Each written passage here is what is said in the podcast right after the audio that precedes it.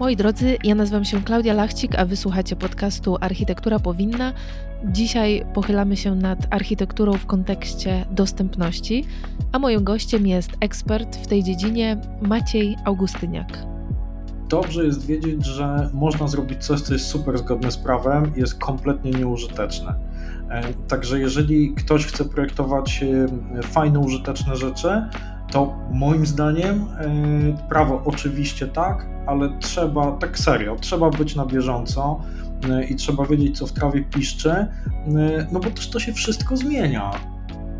Maciej Augustyniak jest prezesem Fundacji Polska Bez Barier, z którą to fundacją sporo szkoli, sporo audytuje, sporo stara się zmieniać i sporo, bardzo przystępnie opowiada o dostępności w architekturze.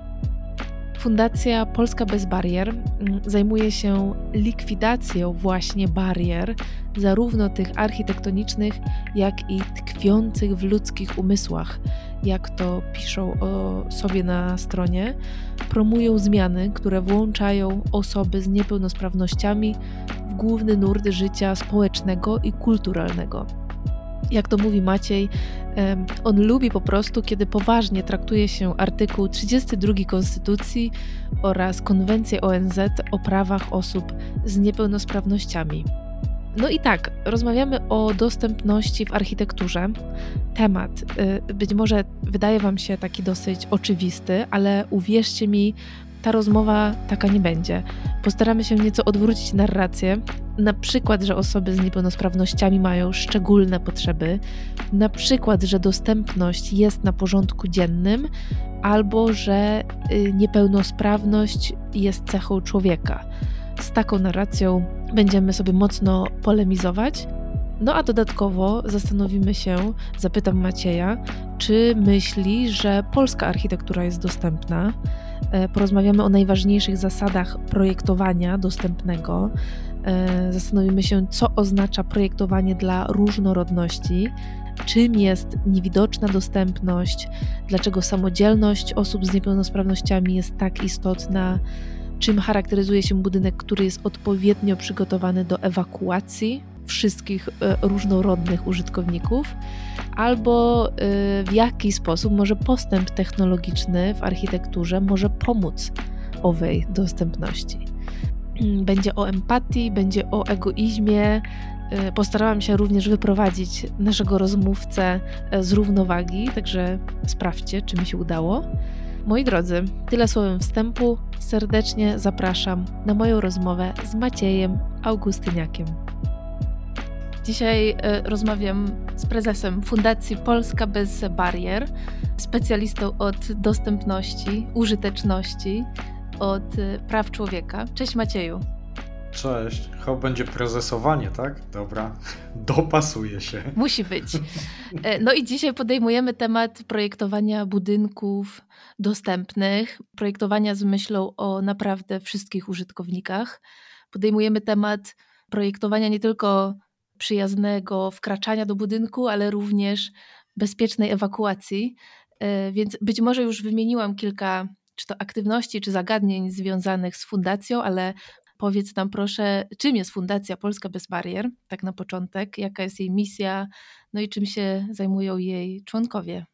Dziękuję pięknie, bardzo zgrabnie to e, ujęłaś e, wszystko. Tak na koniec dnia to chyba właśnie chodzi o prawa człowieka, o to, żeby wykluczać jak najmniej osób. Dokładamy wszelkich starań, żeby podpowiadać e, osobom różnym, wszystkim zainteresowanym, a czasem też niezainteresowanym i trochę na siłę, jak e, robić e, rzeczy, usługi, projekty, tak żeby tak serio, serio były dostępne. No i rzeczywiście, żeby można było zarówno wejść do budynku, skorzystać ze wszystkich nie wiem, usług, aktywności, które w tym budynku się odbywają, no i w razie czego, żeby można było bezpiecznie ten budynek e, opuścić, a nie zostać w środku tylko dlatego, że na przykład mamy jakąś niepełnosprawność. To, to z grubsza to, czym my się zajmujemy.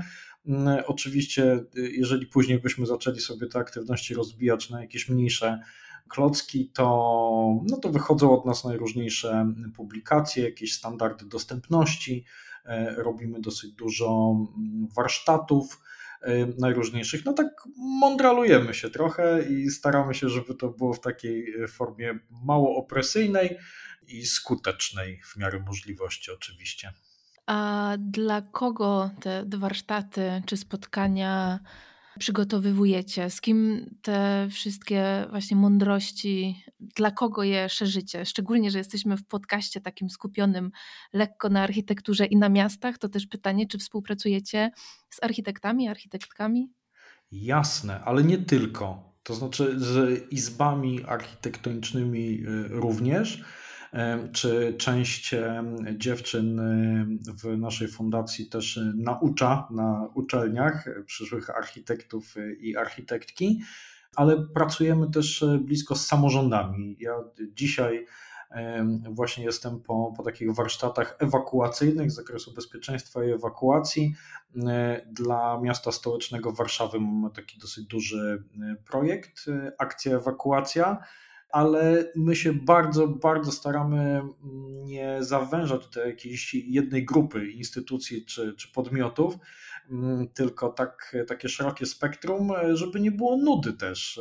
Pracujemy i ze służbą więzienną, i z instytucjami kultury, tak raczej szeroko, no bo cóż, dobra architektura, dobre projektowanie jest dla wszystkich, głęboko w to wierzę.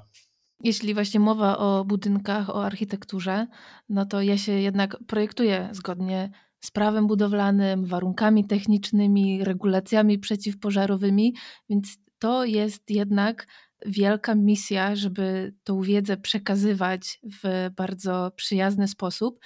No i ta wiedza też nie zawęża się jedynie do przepisów y, i do prawa, tylko jednak wykracza.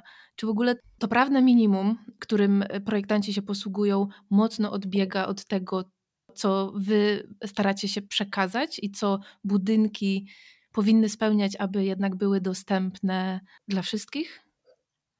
Tak, to w jednym tak. słowie. Tak. Potężne, tak. E, wiesz, ja zazwyczaj e, mówię, że My oczywiście nie zachęcamy do łamania prawa, e, natomiast dobrze jest wiedzieć, że można zrobić coś, co jest super zgodne z prawem i jest kompletnie nieużyteczne. Także jeżeli ktoś chce projektować fajne, użyteczne rzeczy, to moim zdaniem prawo oczywiście tak, ale trzeba, tak serio, trzeba być na bieżąco i trzeba wiedzieć, co w trawie piszczy, no bo też to się wszystko zmienia. Dzisiaj sobie rozmawiamy w grudniu 2023 e, roku. Przecież nie wiemy, kiedy, kiedy ludzie będą też e, tego słuchali. E, no i rozmawiamy o tym, co oboje wiemy na dzień dzisiejszy, ale jutro może być jakaś petarda, o której jeszcze nie mamy pojęcia zielonego, więc chyba jak we wszystkim trzeba trzymać rękę na pulsie i też mieć świadomość tego, że nic nie jest zero-jedynkowe i że najczęstsza odpowiedź na zadane pytania, jedyna słuszna to jest to zależy. Mhm. Niestety, i to bardzo utrudnia takie przekazywanie wiedzy i e, zawężenie jej i jakoś tak sprawne przekazanie.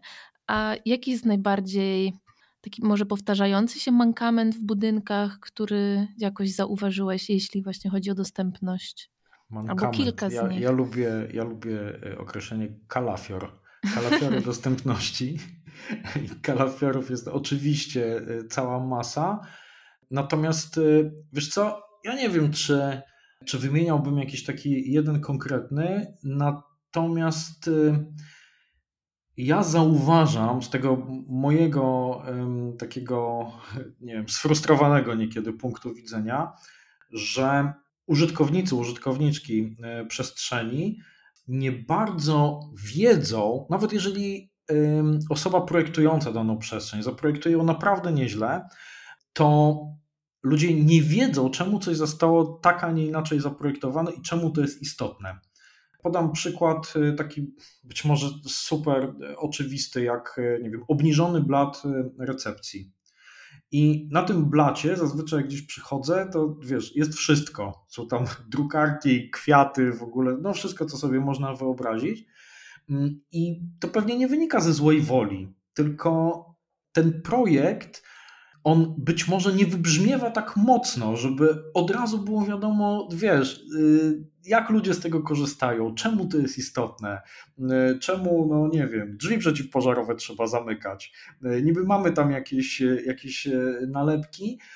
Ja to bym marzył o tym, żeby nie wiem, każdy projektant może e, miał taką możliwość, żeby takie, nie wiem, oprowadzenie kuratorskie zrobić w ogóle, albo zostawić taką czytelną instrukcję e, obsługi, e, czemu to zostało wymyślone tak, a nie inaczej, żeby można było jakiś dialog nawiązać z użytkownikami, użytkowniczkami danych przestrzeni. Bo są oczywiście takie rzeczy, wiesz, ewidentnie no, do bani zaprojektowane moim konikiem takim są toalety, oznaczone jako toalety mm, dostępne dla osób z niepełnosprawnościami. No ja jeszcze nie byłem w takiej, y, której nie można by poprawić. I tak sobie myślę, że to może wynikać też z tego, że osoba projektująca po prostu nie ma zielonego pojęcia o takiej użyteczności. Jak ludzie się, nie wiem, transferują z wózka na muszle i czemu istotne jest to, tamto, siamto i owamto, no ma tylko mm, jakieś tam wytyczne lepsze lub gorsze, bo wiadomo, może być różnie, no i tam, wiesz, tutaj centymetr, tam centymetr, oj tam, oj tam jakoś to będzie, a później jeszcze ktoś, kto zajmuje się na przykład zakupem jakichś, no nie wiem, desek, na muszle ustępowe, to też te kupuję, które w katalogu są opisane jako te dla osób niepełnosprawnych. No i później wychodzą z tego jakieś, wiesz, kalafiorki. W projektowaniu dostępnym chodzi o to, żeby uwzględniać potrzeby właśnie jak największej liczby użytkowników z uwzględnieniem ich ograniczeń zarówno w mobilności, jak i percepcji. Ale mhm zakładam, że jeśli my tu mówimy o osobie z niepełnosprawnościami, to prawdopodobnie większość słuchaczy, prawdopodobnie ja sama, od razu sobie wyobrażam osobę na wózku. No ja też, pewnie. No przecież mamy szufladki w głowach wszyscy, wiadomo. A ja sobie nawet doczytałam, że w populacji osób z niepełnosprawnościami osoby na wózkach stanowią 10%.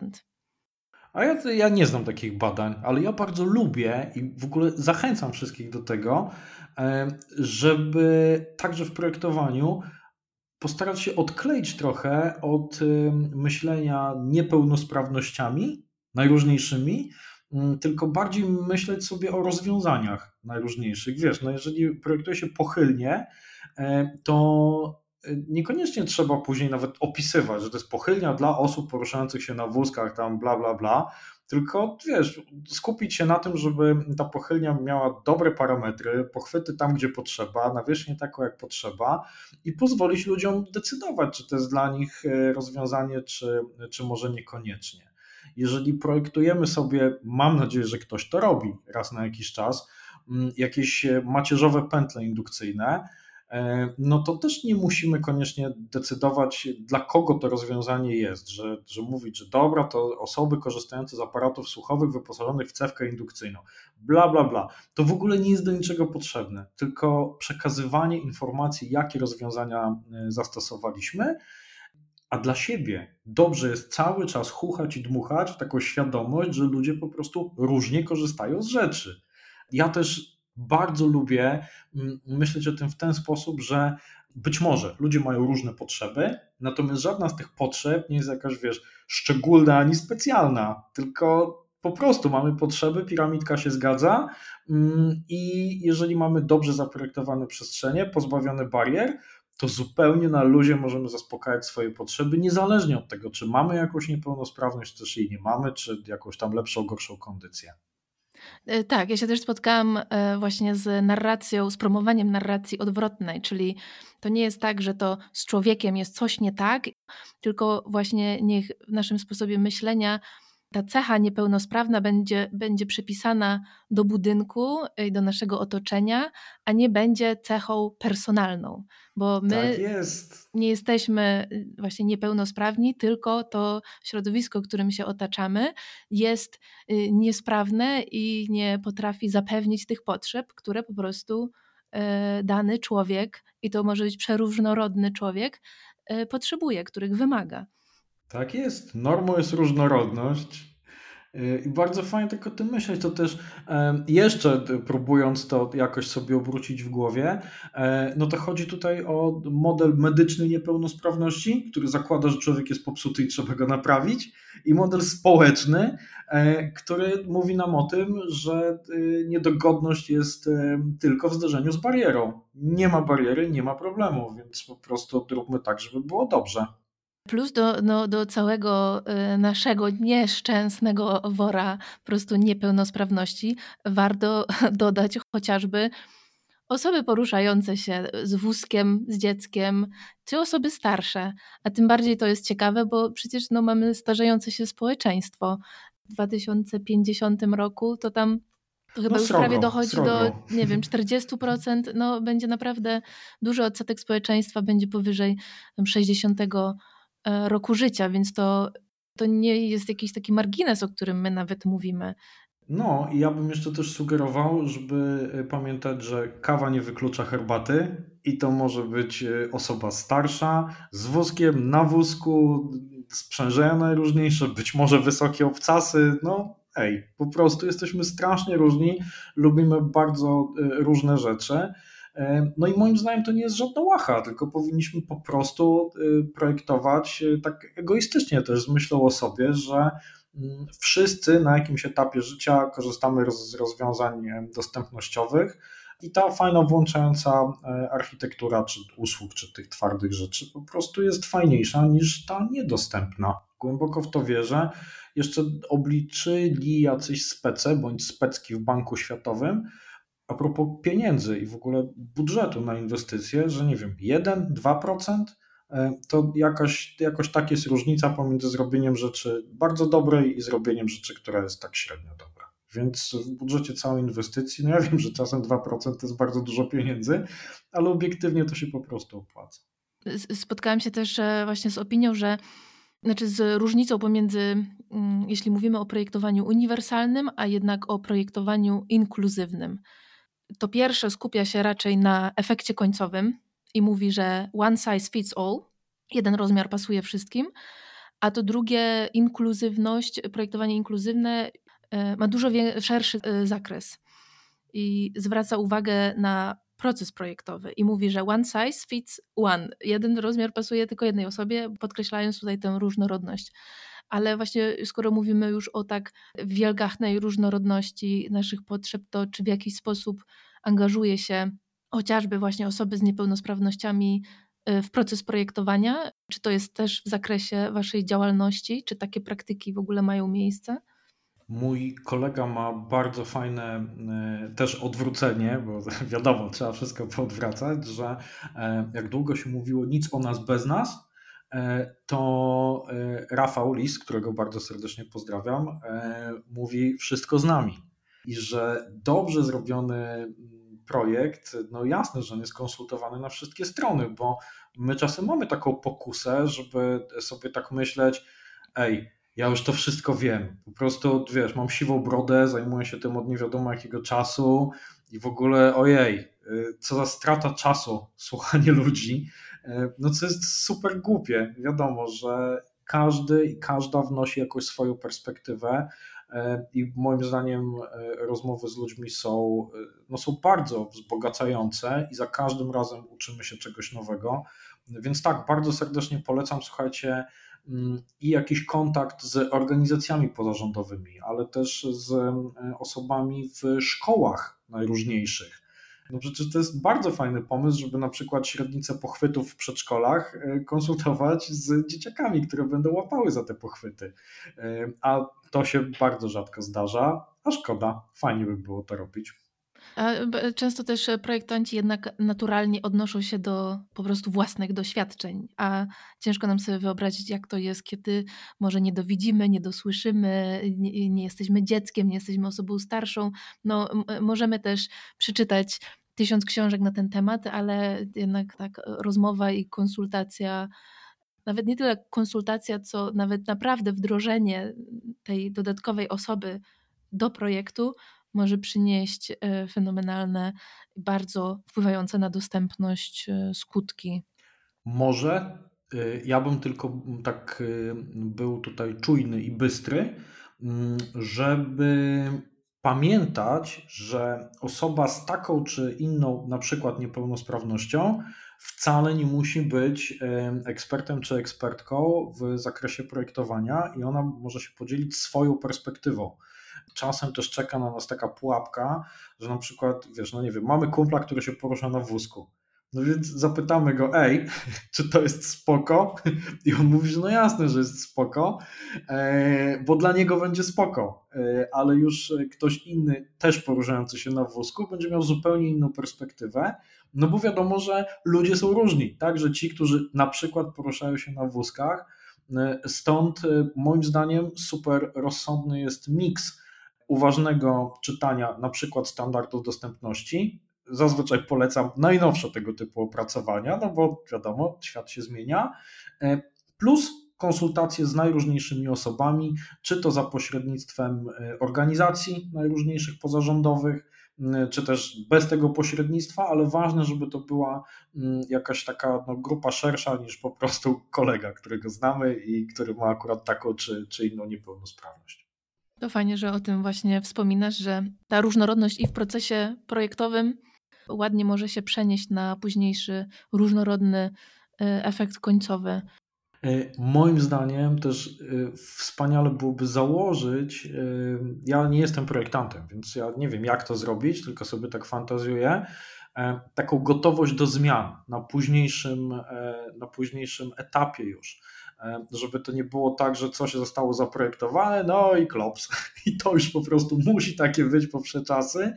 E, tylko jeżeli jest tam dopuszczalna jakaś elastyczność, że faktycznie kurczę, ktoś przyjdzie i powie, że ej, tutaj należałoby to trochę poprawić, to, to żebyśmy umożliwili takie poprawianie, bo to mnie też przyznam, e, nie wiem, troska i, i drażni, jak wchodzimy sobie do jakiegoś obiektu już zaprojektowanego, tak, i robimy tam jakiś audyt e, dostępności, no i się okazuje, że coś za jakieś, nie wiem, setki milionów złotych e, zostało, no, no kurczę, no trochę jest do bani, tu i tam, ale to nie byłoby, wiesz, budowanie tego od początku, tylko po prostu fajnie byłoby coś tam odrobinkę zmienić, no ale sorry. Mhm. Nie ma miejsca, bo wszystko zaprojektowane na minimum odległości no tak, na przykład. I, i już, i radźcie sobie.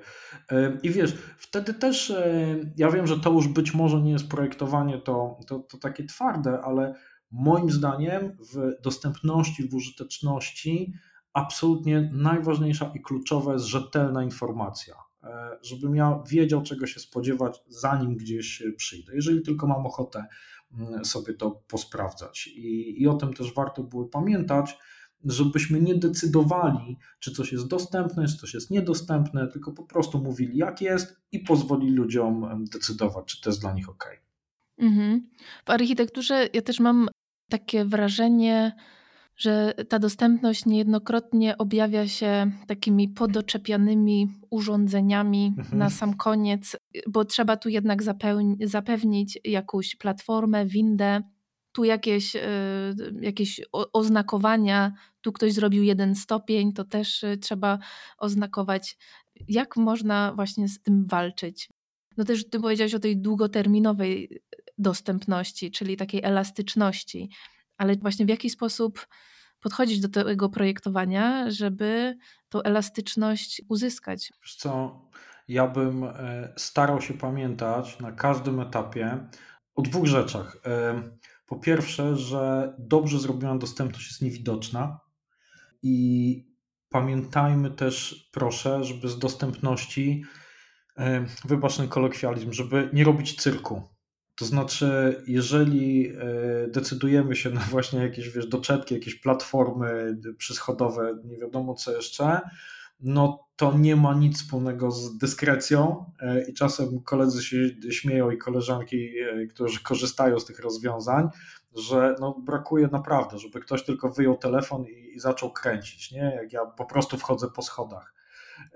Także im dyskretniej, tym lepiej i też bardzo, bardzo apeluję o to, żeby nie myśleć o dostępności właśnie w kontekście y, jakiejś brzydkiej doczepki, tylko wykluczenie estetyczne też jest do bani, więc można robić rzeczy, które serio są super ładne mm, i przy okazji pełnią takie funkcje wkluczające. Nie wiem, czy to jest po polsku, i z których tak po prostu korzystamy. E, tutaj też nie należy przesadzać, e, bo, bo można e, przypadkowo zrobić jakiegoś kalafiora.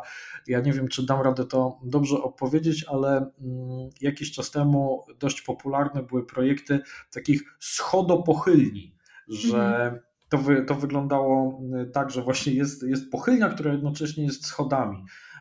I, I były takie głosy, że ojej, jakie to jest w ogóle wspaniałe, no a później ktoś się pokapował, że no może nie do końca, bo tutaj pochwytów brakuje, tu brakuje tego, owego i, i tak naprawdę jest to mało użyteczne dla wszystkich, no ale wygląda dosyć spektakularnie. Także cóż, czujność 10, trzeba być czujnym jak ważka, dużo czytać e, i nie bać się e, pytać. My dosyć dużo konsultujemy różnych rzeczy i ja lubię taką myśl, że mm, nam w tych fundacjach o coś chodzi. E, I tak serio, jeżeli macie jakiekolwiek wątpliwości, no to po prostu napiszcie, czy do nas, czy, czy do kolegów, koleżanek z e, innych organizacji, które się tym zajmują. I nie zwracajcie uwagi na to, czy macie jakieś budżety, czy nie macie budżetu. Wiecie, no my nie wystawiamy faktur za każdego maila, na którego odpowiemy. I oczywiście, że jesteśmy super pazerni, ja przynajmniej, i, i zawsze bardzo chętnie przyjmę worek pieniędzy, ale jak akurat przypadkowo go nie macie, to zawsze możemy po prostu pogadać. I jeżeli ja nawet nie znam odpowiedzi na jakieś pytanie, to pewnie znam kogoś, kto zna. Zachęcam łączenie ludzi i, i, różnych dyscyplin to też jest e, duża wartość. Mi tak się z kolei też skojarzyło, jak powiedziałeś o tej niewidocznej dostępności, że to czasem może mieć przełożenie takie formalne i właśnie to może być dodatkowy aspekt estetyczny. Nie wiem dlaczego od razu mi się skojarzyło właśnie z progiem, no dla, właśnie dlatego, że kojarzę niepełnosprawność z wózkami oczywiście, ale mi się zawsze to kojarzy z progiem wejściowym Chyba, że to mi się kojarzy też przez to, że kiedyś jednak na wydziale miałam warsztaty i mogłam przejeżdżać przez progi wejściowe na wózku i e, wiem, że teoretycznie dwa centymetry są do pokonania, ale jednak dla wielu studentów, e, uwierzcie mi, to nie było do pokonania mi się to skojarzyło, że nawet taka wycieraczka, która jest zlicowana z podłogą i która wtedy wygląda fenomenalnie, aniżeli taka rzucona w ostatnim momencie przed wejściem do budynku, jakby nie dość, że już stanowi tu lepszy wyraz estetyczny, to jeszcze jest y, dużo bardziej, budynek dużo bardziej dostępny bez żadnych przeszkód. Także to czasem idzie tak naprawdę w parze. Ja nie wiem, czy czasem to zawsze powinno iść w parze. Ja jestem wielkim fanem wycieraczek zlicowanych z nawierzchnią e, i to też ma bardzo duże znaczenie, jeśli chodzi o bezpieczeństwo. Jak e, wszyscy sobie wychodzimy i raczej robimy to szybciej niż wolniej, to byłoby genialnie, gdybyśmy się nie potknęli o wystającą wycieraczkę, bo wiecie, może być jak na kreskówkach później. Nie chcemy tego. Jak już jesteśmy przy tym takim dojeździe i dojściu y, do budynku, jakby spotkaliśmy się, żeby y, rozmawiać jednak trochę o ewakuacji, ale żeby się z budynku ewakuować, to też trzeba do niego bezpiecznie wejść. Jakie takie byś nakreślił niektóre, nie wiem, elementy czy zasady projektowania, jeśli chodzi o właśnie to pierwsze spotkanie z budynkiem? Pierwsze spotkanie z budynkiem. Ja wiem, tutaj e, muszę trochę poetycko o tej architekturze rozmawiać. A ja się staram, żeby żadnej wpadki nie było, bo wiecie, ja nie jestem architektem, żeby to było jasne, ja jestem tylko mądralą. E, tylko. Także ja bym bardzo też, jeżeli już jesteśmy bardzo blisko tego budynku i nie rozmawiamy o tych wszystkich, wiecie, rzeczach, które są wcześniej, czyli no fajnie byłoby tam dojść po jakimś w miarę równym chodniku, e, także z przystanku komunikacji miejskiej czy z jakiegoś parkingu, to, to byłoby bardzo fajne i nawet jeżeli nie leży to w gestii projektanta samego budynku, e, to też fajnie na to spojrzeć e, szerzej. Gdzie my w ogóle z tym jesteśmy, bo najlepszy budynek świata, jeżeli jest otoczony jakimś wielgachnym krawężnikiem, no to wiadomo, że, że może być słabo z dostępnością. E, słuchajcie, nie róbmy bardzo proszę osobnych wejść dla osób z niepełnosprawnościami, bo, e, bo to się cały czas zdarza, nawet w nowych e, budynkach, jak już ktoś nie zrobi platformy przyschodowej, takiej dokładanej, to chociaż zrobimy prawda, wejście tam gdzieś od tyłu, takie dostępne dla wózkowicza czy wózkowiczki, no to wiadomo, że to jest do bani i wszyscy chcemy korzystać z tych samych wejść, z tych samych wyjść, żebyśmy nie musieli się rozstawać pod budynkiem. I dobra, to ty w prawo, ja w lewo. Byłoby bardzo fajnie, żebyśmy też e, nie myśleli e, w ten sposób, że e, no dobra, jak jest osoba z niepełnosprawnością, taką czy śmaką, to wiadomo, że będzie z kimś. No nie? No pewnie, każdy chodzi z opiekunem, też jest takie słowo, które uwielbiam, i w mhm. ogóle głaz, głask po głowie. Jesteś taki dzielny, że tutaj przyszedłeś. Więc wiecie, no użyteczność to też samodzielność. E, jeżeli e, to jest tylko e, możliwe, a zazwyczaj jednak, wiecie, no nic nie stoi na przeszkodzie mm, z takiego architektonicznego punktu widzenia, pozwólmy ludziom na samodzielność, żeby nie musieli prosić kogoś o wsparcie, nie wiem, chcąc windę zawołać na przykład, tak? Bo akurat poszliśmy w taką, wiecie, turbo nowoczesność, no i mamy ekstra panele dotykowe, no i jakaś osoba, nie wiem, z niepełnosprawnością wzroku po prostu no, nie, nie jest w stanie tego obsłużyć, no bo jakim cudem, nie? E, więc e, to moim zdaniem byłoby bardzo fajne, żebyśmy cały czas sobie to w głowie obracali.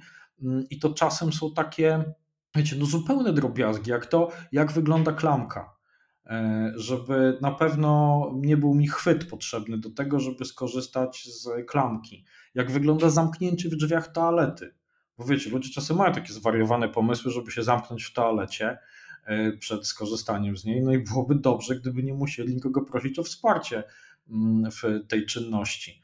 E, I tak dalej, i tak dalej. No, wymieniać możemy dosyć długo, jeżeli pójdziemy sobie w ekstrawagancję i, i postawimy na wykładzinę albo ściany w ciapki, e, no to może to być trudne też dla, dla jakichś osób, czy z niepełnosprawnością wzroku, czy osób, które mają jakieś, no nie wiem, nietypowe sensoryczne tutaj różności.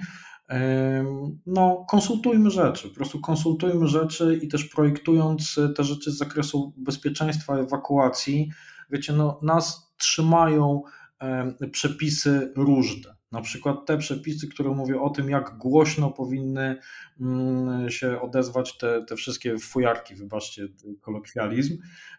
I pewnych rzeczy nie jesteśmy w stanie przeskoczyć, no bo musimy się tych przepisów trzymać, ale niektóre rzeczy możemy jednak e, zrobić tak, żeby było trochę lepiej. Jeżeli wyobrazimy sobie, że mm, jest osoba głucha i ta osoba głucha jest w toalecie, to byłoby bardzo dobrze, gdyby w razie czego ta osoba też wiedziała, że trzeba uciekać, że jest ewakuacja. No więc genialnie by było zadbać o to, żeby dostała powiadomienie jakieś jeszcze oprócz tego dźwiękowego.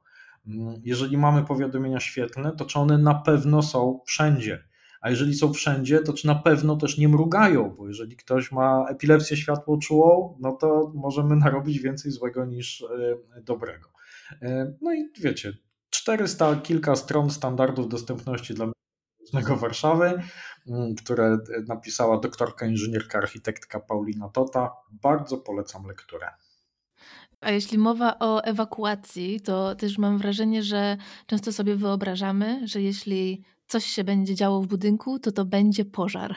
Tak. Jeśli, jeśli jest jakieś zagrożenie, to to jednak będzie pożar i to taki widoczny, wiadomo, filmowy wiadomo. pożar ale okazuje się, że to niekoniecznie musi być pożar, jeśli e, jest jakieś zagrożenie w budynku. Także może o tym też warto powiedzieć. Jakiego typu w ogóle zagrożeń możemy się spodziewać? E, no zagrożeń wiadomo, może być pierdylion, natomiast to, co, to na co ja bym zwrócił uwagę e, pewnie najbardziej, to jest dym albo inne takie opary, których nie chcielibyśmy wdychać.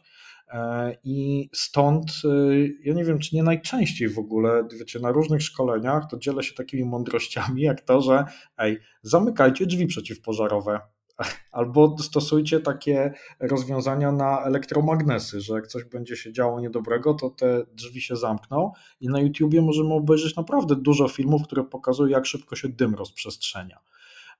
Więc e, to rzeczywiście takie płomienie jak na filmach to, to spoko, to też może się wydarzyć, ale ja bym zwrócił uwagę właśnie na chociażby na, na dymne jakieś zatrucia, no ale też żyjemy w takich czasach, że naprawdę dużo rzeczy się może wydarzyć i dlatego bardzo zachęcamy do tego, żeby po pierwsze obracać sobie w głowie różne scenariusze, a po drugie, żeby też, e, i to pewnie mniej projektowanie w ścisłym tego słowa znaczeniu, mm, ale wiecie, indywidualne plany ewakuacji. Jeżeli wiemy, że nie wiem, pracujemy z kolegą czy z koleżanką, albo sami mm, możemy mieć jakieś jakieś, e, nie chcę powiedzieć szczególne potrzeby, gardzę tym określeniem, potrzeba bezpieczeństwa wszystkich nas dotyczy, no po prostu jest coś, o czym my powinniśmy powiedzieć naszym współpracownikom czy współpracowniczkom, że mogłoby nam się przydać e, w czasie e, ewakuacji.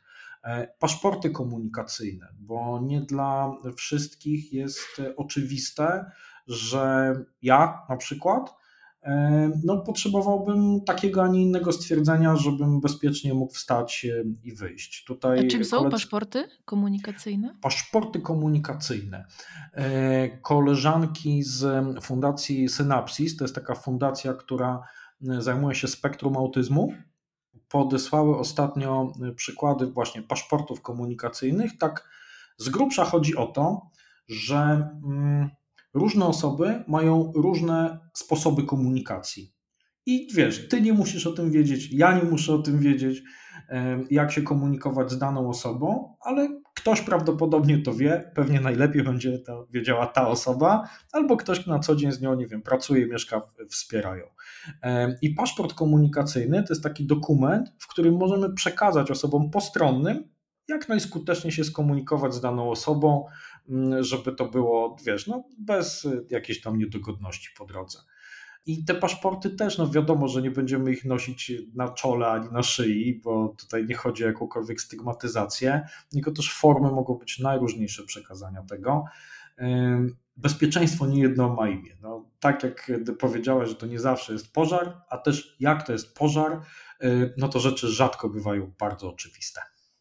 Wspomniałeś też wcześniej o tej samodzielności i teraz się zastanawiam, jak to jest w kontekście ewakuacji, szczególnie ewakuacja osób z niepełnosprawnościami. No, chciałoby się powiedzieć, że tutaj ma diametralne też znaczenie. No, jest to dodatkowe pewnie utrudnienie, czy dodatkowa sprawa, o której warto pamiętać. Także ewakuacja osób właśnie o Twoje ulubione ze, o szczególnych potrzebach. Dokładnie, przecież żeby się nie spalić, to jest strasznie szczególna potrzeba. E, no tak, ale jeśli mamy utrudnienia w mobilności czy percepcji, no to tutaj jest e, wymagane dodatkowa na przykład, nie wiem, akcja. Szukamy rozwiązań. Tak ci wejdę w słowo. Po prostu, wiesz, no szukamy rozwiązań e, i tak jak w przypadku osób, no nie wiem, z niepełnosprawnością ruchu, no to czasem będzie to faktycznie jakiś sprzęt taki specjalistyczny, tam wózki, krzesła, materace ewakuacyjne czy, czy inne maty, no bo czasem to będzie po prostu najrozsądniejsze. E, czasem to będzie, nie wiem, zwykły wózek ortopedyczny, e, jeżeli chcemy po prostu polepszyć prędkość przemieszczania się jakiejś osoby, a jesteśmy, nie wiem, na parterze albo po prostu chcemy przejść do osobnej strefy pożarowej. E, mhm. Czasem będzie to oznaczenie, które będzie nie tylko pod sufitem, ale też na wysokości ramienia i wtedy czy osoba poruszająca się na wózku, czy nis, niskiego wzrostu, e, czy dziecko, e, mm, czy ktoś z niepełnosprawnością wzroku będzie w stanie lepiej dostrzec to oznaczenie. No jest tego cała masa i czasem rzeczywiście wymaga to jakiejś takiej, no nie wiem, większej uważności, jakiejś inwestycji, ale często wcale nie. Mhm. A są jakieś e, rozwiązania, powiedzmy, z e, tej fenomenalnej zagranicy, o której wiesz i które można by zaimplementować e, również w Polsce? Nie wiem, czy są w ogóle takie. No, pierwsze, które mi przychodzi do głowy, e, to ostatnio widziałem w szwedzkich muzeach. E, jak masz e, taką strzałkę, która ci mówi, że tam wejście ewakuacyjne w lewo, mhm. to do tej strzałki niekiedy dodany jest piktogram Wózkowicza czy Wózkowiczki. E, moim zdaniem to jest petarda rozwiązanie, dlatego że ktoś, kto porusza się na wózku i na przykład jest w takiej przestrzeni, że jedno wyjście jest trochę lepsze, a drugie jest trochę gorsze, no to on wie, czy ma mhm. iść w prawo, czy w lewo i się nie okaże, że wiesz, że zatrzyma się przed, e, nie wiem, schodami, no i będzie niedogodność, tylko raczej skieruje się w kierunku mm, tego wyjścia, powiedzmy z pochylnią, albo e, tego miejsca, gdzie jest jakieś, nie wiem, miejsce oczekiwania, na, na wsparcie służb. To jest drobiazg zupełny, wiesz, dodanie piktogramu do, do strzałki. W Polsce nigdzie tego nie widziałem jeszcze, no ale mam nadzieję, że to się zmieni właśnie. W standardach bardzo zachęcamy do tego, żeby takie oznakowanie e, stosować. E, tak, mi się też wydaje, że czasem ten taki system informacji często jest uważany jako taki już dodatek na koniec do architektury, do, do budynku, jest jednak traktowany po macoszemu, a ten spójny wayfinding tak zwany, czyli właśnie odnajdywanie drogi, które w momencie zagrożenia i w momencie ewakuacji jest kluczowe, no jest bardzo, bardzo istotne, więc warto o tym pamiętać. To jest e, bardzo ciekawe i ważne, co mówisz. Albo na przykład kontrast taki po prostu wizualny, bo jeśli mamy zadymione pomieszczenie, jak mnie mam, to też e, E, nagle nasza sprawność wzrokowa jest e, obniżona. E, ja polecam w ogóle takie ćwiczenie, żeby sobie wykonać w głowie, że jak lądujesz sobie na lotnisku w kraju, którego języka nie znasz, no to genialnie byłoby za pomocą piktogramów i strzałek, żebyś wiedziała po prostu, wiesz, no gdzie jest toaleta, gdzie jest security, gdzie jest wyjście do miasta i tyle. To nie jest sterowanie statkiem kosmicznym. Mhm. Czasem e, takie rzeczy typu, no nie wiem, każdy i każda z nas prawdopodobnie kojarzy, jak wyglądają listwy LEDowe w kinie e, zastosowane. No to przecież to jest świetne rozwiązanie, żeby oznaczać e, drogi ewakuacyjne. Ale pewnie też każdy z nas kojarzy, że czasem w kinie, jak już jest ciemno i się przyjdzie za późno, to nie ma szans, żeby znaleźć swojego rzędu i swojego siedzenia. Więc może to jest po prostu nauka taka od placówki, żeby się jednak nie spóźniać kolejnym razem. No, A ja jeszcze chcę tutaj y, wspomnieć o lotniskach, bo dla mnie to są miejsca, gdzie tą komunikację, ten system informacji wayfinding można przecudownie popodglądać ponieważ no, szczególnie lotniska to są miejsca, gdzie ludzie pod względem wieku, płci, pochodzenia, narodowości, jakiejś grupy społeczno-ekonomicznej.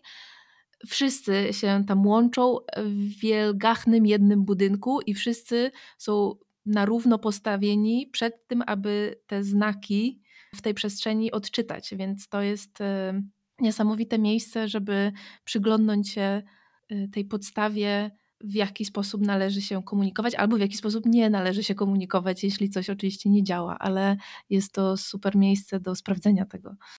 To prawda. Ja bym jeszcze bardzo sugerował też zapoznanie się z ETR-ami, z tekstami łatwymi do czytania i zrozumienia.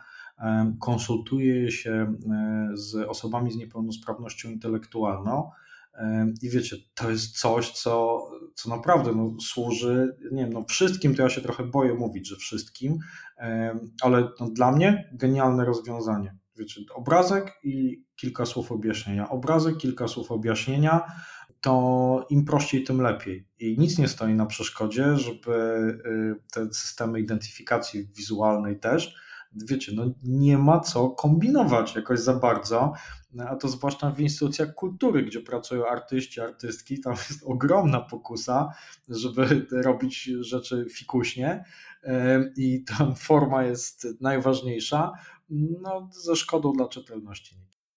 To jest ryzyko, gdzie kiedy design e, wchodzi aż za bardzo do, do systemu informacji i się staje aż zbyt jakiś wyrafinowany. Właśnie zapisałam sobie jedną historię, którą cię tutaj muszę podpuścić, bo nie wiem, czy kojarzysz taką historię jednego e, całkiem niedawna z warszawskiego osiedla mm, w Ursusie. Taki sprytny deweloper wybudował osiedle, a przy nim parking z kilkudziesięcioma miejscami parkingowymi, same, tak? mhm. wszystkie pomalowane na mhm. niebiesko, więc wszystkie dla osób z niepełnosprawnościami. I później taki kojący komunikat, że los właściwie i tak może tam parkować, bo przecież e, tam oj tam, oj tam nikt tego nie będzie sprawdzał. No tak, a to się oczywiście bierze z tego, że takie miejsca mogą być dużo bliżej okien mieszkalnych. No i te przepisy mają chronić oczywiście przed tam hałasem, przed spalinami i tak dalej. Jakie emocje się w tobie budzą, kiedy czytasz historię tego typu? Co, nie, mnie jest łatwo odpalić, naprawdę. Y, ja mam dosyć krótki ląd, y, ale no wiadomo, nie będę tutaj y, ulewał swoich frustracji, przynajmniej nie, nie za dużo. No tak, no jasne, że to, to złości i, i wiesz, i tego typu przypadków jest, jest dużo. E, no pogardzam tym z całego serca. Pogardzam tym z całego serca, e, tym bardziej, że później mm, właśnie narracja jest taka, że e, drogi mieszkańcu, droga mieszkanko, no jasne, że to jest tak pomalowane, ale puszczamy oko i swobodnie możesz tutaj parkować, no to też wyrabia takie i inne nawyki, no bo jeżeli codziennie parkuję samochód na kopercie, mm, a nie mam karty parkingowej, no to wiadomo, że na mieście, oj tam, oj tam tylko na chwileczkę, przecież nie ma w tym nic złego.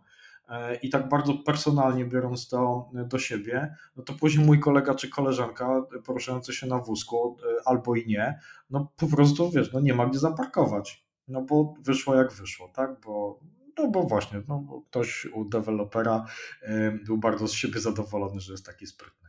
W zasadzie to, co ty powiedziałeś, że nawet projekty, które są przepisowo zaprojektowane, niekoniecznie E, są dostępne i no, nawet jest e, przepis mówiący o tym, że budynki do czterech kondygnacji bodajże nie muszą posiadać windy, co w ogóle automatycznie wyklucza osoby, które no, bez windy nie są w stanie się poruszać po schodach, e, automatycznie wyklucza z możliwości najmu czy zakupu mieszkań, a to są budynki no, zaprojektowane zgodne z, zgodnie z przepisami.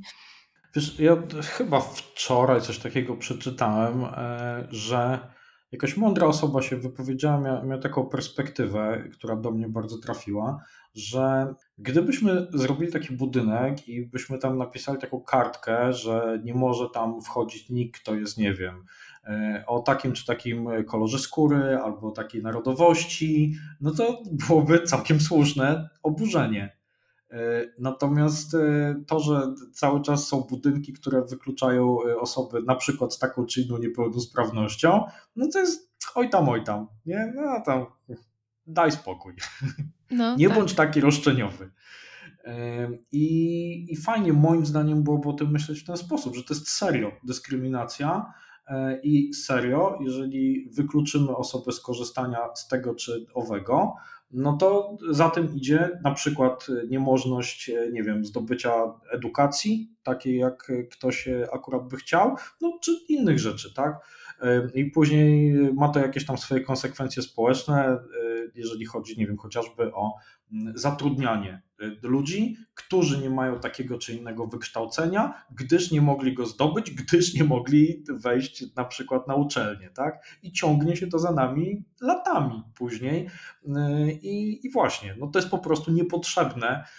Wystarczyłoby czasem, żeby ktoś nie cwaniakował, właśnie tworząc jakieś miejsce, tylko zrobił to rzetelnie, albo do czego bardzo zachęcam, był w stanie też e, nawiązać konstruktywny dialog z inwestorem czy inwestorką i powiedzieć, że słuchaj, to jest ważne i nie obetnę tutaj tych paru centymetrów, bo ktoś nie będzie mógł skorzystać z toalety. No a mimo tych niefajnych przykładów, myślisz, że na przestrzeni lat ta sytuacja jednak ulega polepszeniu? Tak, ale nadal jest do bani. I ja w ogóle nie dyskutuję z tym, że jest lepiej niż było 5 lat temu, 10, 15 lat temu. Jasne, że tak. E, natomiast e, no, we mnie budzi to złość, bo serio, ta, ta siwa broda, którą ty widzisz, ale słuchacze i słuchaczki e, nie bardzo, to ona jest z frustracji, bo ja czasem jestem, wiesz, taki zmęczony, słuchaj, no, ale jest trochę lepiej. No kuźwa, ale nie jest dobrze. Cały czas nie jest dobrze no wścieka mnie trochę. Widzisz, udało ci się mnie odpalić jednak. Jak wchodzę sobie do jakiegoś naprawdę nowego budynku. Wypikam, wypikam. Za setki milionów czasem publicznych pieniędzy. E, I, e, no i słyszę, że no oj tam, oj tam. E, a czasem, a czasem bywa w ogóle tak, i mam taką jedną historię, że byliśmy na etapie projektowania budynku, takiego bardzo nowoczesnego i bardzo za publiczne pieniądze. I mówiliśmy osobom projektującym, bardzo znanej pracowni, że no nie, że tak po prostu być nie może, że to będzie wykluczające. No ale okazało się, że no niestety musi tak zostać. Wiesz, to jeszcze była kartka papieru. E, no i wypisaliśmy się z tego, e, robiąc tam, robiąc tam jakiś dym, natomiast no na nic się to nie zdało, no bo oj tam, oj tam. Ale o jakiego typu y, mankamentach? O, o takim czy... dużej placówce kulturalnej. Nie mogę teraz powiedzieć, jak ona się nazywa, bo mamy tam strasznie srogie rzeczy popodpisywane i poszlibyśmy pewnie do więzienia za to. Mhm. E, albo przynajmniej jest takie podejrzenie. Ale to chodziło o e, jakieś konkretne rozwiązania architektoniczne, tak, bardziej tak, tak detale, tak, czy... Konkretne rozwiązania architektoniczne, ale później też e, tą informację i, i, to, że ktoś tam, nie wiem, no nie, nie może po prostu gdzieś przejść, tak, i takie rzeczy.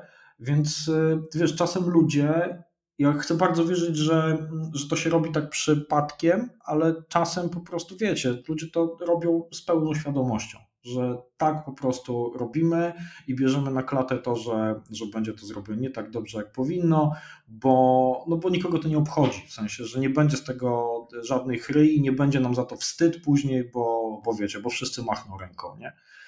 I niestety często tak jest, y, i wtedy, wiecie, ludzie, którzy robią z tego jakiś problem, są postrzegani jako właśnie, wiesz, frustraci i, i no, i nawet nie wiem kto jeszcze, no ale wiadomo, że wolimy taką bardzo pozytywną narrację. Jak ktoś, ktoś się złości, zieje nienawiścią, a to jest mój sposób zarządzania relacjami z ludźmi, to jest niedogodność.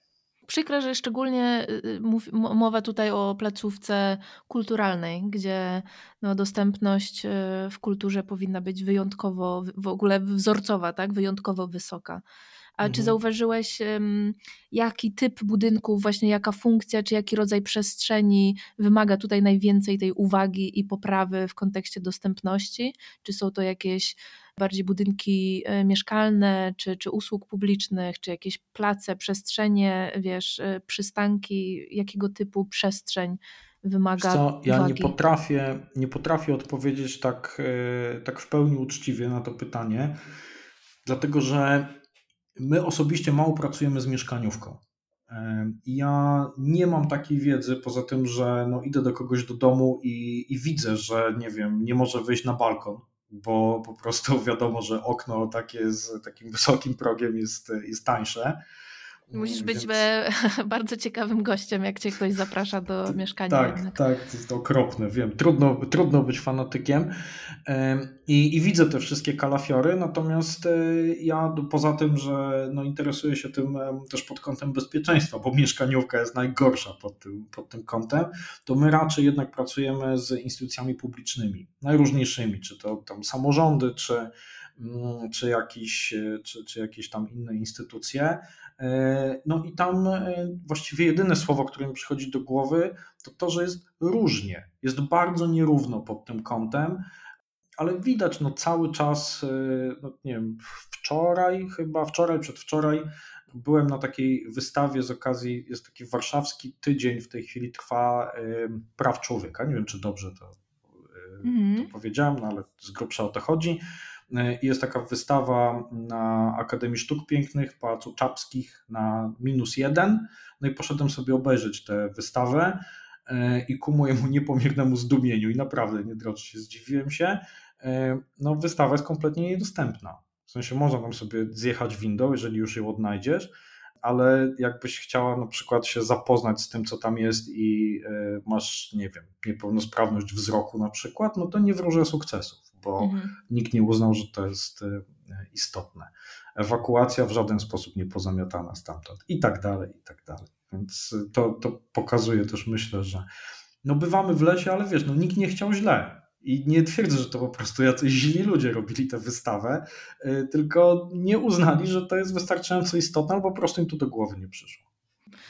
Myślisz, że w jakikolwiek sposób na przykład postęp technologiczny w architekturze pomaga e, zwiększyć tę dostępność, jakieś funkcje inteligentnego budynku, takie sprawy, to jest też coś, co e, Was interesuje? No jasne. Mi się bardzo podoba w ogóle takie podejście mm, z, tutaj będzie trudne słowo, nie wiem czy sobie z nim dam radę, zindywidualizowane. I jeżeli e, mamy taką możliwość, żeby na przykład pewnymi funkcjami sterować, nie wiem, z naszego smartfonu i ten smartfon ma aplikację, która jest zgodna ze standardami dostępności cyfrowej, no to wiesz, pstryk, jesteśmy, jesteśmy trochę do przodu. I w ten sposób no, można sterować wieloma urządzeniami i fajnie jest być też na bieżąco. Ale ja jestem też wielkim zwolennikiem tego, żeby jednak ta, wiesz, taka zwykła oldschoolowa architektura, ona też możliwie była mało wykluczająca i gdybym ja miał wybierać osobiście, to ja bym jednak stawiał chyba na to, że jeżeli będę miał ochotę wezwać windę w taki analogowy sposób, to żebym też mógł to zrobić. E, no tak, no to tak jak z klimatyzacją, czy wentylacją, czy wszystkimi dodatkami elektronicznymi. Jak to nam wysiądzie, to jednak budynek będzie tą podstawą, tą przestrzenią, w której funkcjonujemy, więc też nie ma co polegać stuprocentowo e, na czymś, co jednym pstryczkiem może zostać wyłączone, a blackouty szczególnie w czasach mm, kryzysu i katastrofy klimatycznej, mogą się zdarzać coraz częściej. Także to jest istotny punkt. No i tylko tak kończąc y, ten, ten wątek, to wiesz, ja chyba lubię mieć wybór. I tak y, zgaduję, że być może inne osoby też lubią mieć wybór, no bo wiesz, jesteśmy różni. I jak mogę sobie tę windę wezwać na mój ulubiony sposób, moją ulubioną windę, y, no to myślę, że to jest słuszna droga. Przy tej okazji, może tak jeszcze na koniec, yy, można by wspomnieć o ogromnej wartości neuronauk, bo one mogą też nieść wiedzę potrzebną do projektowania tego dostępnego, inkluzywnego. E, neuronauki mogą pozwolić na przykład projektantom zrozumieć, jak dany różnorodny użytkownik myśli, czuje, jak się porusza, jak działa, jakie ma motywacje. Czyli jeszcze raz tak, żeby architekci nie odnosili się jedynie do własnych doświadczeń, to warto tymi neuronaukami się zainteresować, bo badań na ten temat, jak przeróżni ludzie funkcjonują i działają, a bardzo często działają inaczej niż architekci, którzy gdzieś tam na przykład już estetycznie mogą być, uwaga, spaczeni. E, dlatego warto z tych nauk również czerpać. No jasne, neuroróżnorodność, wiadomka. Poza tym e, spektrum autyzmu też, słuchajcie, dlatego nazywa się spektrum, że jest kuźwa bardzo szerokie. I ja lubię tę myśl, że ta różnorodność jest wartością, a nie upierdliwością. E, także myślę, że architektura, tak jak cały świat, byłby jednak dużo nudniejszy i, i uboższy, gdybyśmy to wszystko na jedno kopyto robili. Tutaj ta elastyczność, użyteczność, no to niby banały, nie? A jakoś tak się okazuje, że zapominamy. E, tak, mam wrażenie, że e, może czasem te wyświechtane słowa, na przykład wydaje mi się, że dostępność jest bardzo takim nadużywanym e, słowem, ta inkluzywność też się pojawia, ale fajnie, że tutaj padły i tak w naszej rozmowie, znaczy wyjaśniliśmy porządnie, czym jest ta dostępność w architekturze, mam wrażenie. Bardzo się cieszę, że pojawiło, pojawiły się takie terminy jak e, długoterminowa dostępność, jak niewidoczna dostępność, jak samodzielność, jak e, właśnie różnorodność, więc wydaje mi się, że tymi hashtagami pięknymi e, możemy zakończyć naszą rozmowę. Jakieś jeszcze słowo na koniec, Macieju? No, nie wiem, egoizm do tego dodał, e, bo e, robimy to dla siebie, słuchajcie, robimy to dla siebie i, i serio, jeżeli już tam nie starcza żadnej innej motywacji, to po prostu myślimy o sobie czy o naszych bliskich, bo to się po prostu może przydać i tak zaryzykowamy stwierdzenie, że przyda się, czy nam się to podoba, czy nie. Tak, czyli jeśli egoizm będzie naszą motywacją do stwarzania świata bardziej dostępnym, no to bierzmy, bierzmy to. bierzmy to. Super, e, bardzo Ci dziękuję za tę rozmowę. Dziękuję bardzo. Dobrze się bawiłem, to najważniejsze. Egoizm. I znowu, dzięki bardzo. Dzięki, cześć. Moi drodzy, bardzo dziękuję za wysłuchanie tego odcinka. Na koniec zachęcam do świadomego poruszania się w przestrzeni. E, zachęcam również do projektowania inkluzywnego, oczywiście, ale takiego projektowania właśnie wykraczającego poza odpowiednią szerokość korytarza i odpowiednią poręcz przy rampie, ale do takiego projektowania wspierającego, empatycznego, do takiego projektowania wspomagającego poczucie przynależności, bo o to się tak naprawdę rozchodzi. Także nie chodzi o to, żeby y, jakby każdemu dać porówno, a raczej każdemu według potrzeb. No a dodatkowo, moi drodzy, jeśli chcielibyście wspierać ten podcast i przyczyniać się do jego rozwoju, to bardzo serdecznie zapraszam na platformę Patronite, która właśnie takie finansowe, realne wsparcie umożliwia. Bardzo dziękuję moim dotychczasowym patronom i patronkom Mateuszowi, Judycie, Annie, Agnieszce i Annie. Bardzo serdecznie dziękuję za Wasze wsparcie i jest mi niesamowicie miło. Moi drodzy, mm, to wszystko na dziś w tym odcinku. Pamiętajmy o dostępności i do usłyszenia w kolejnym odcinku.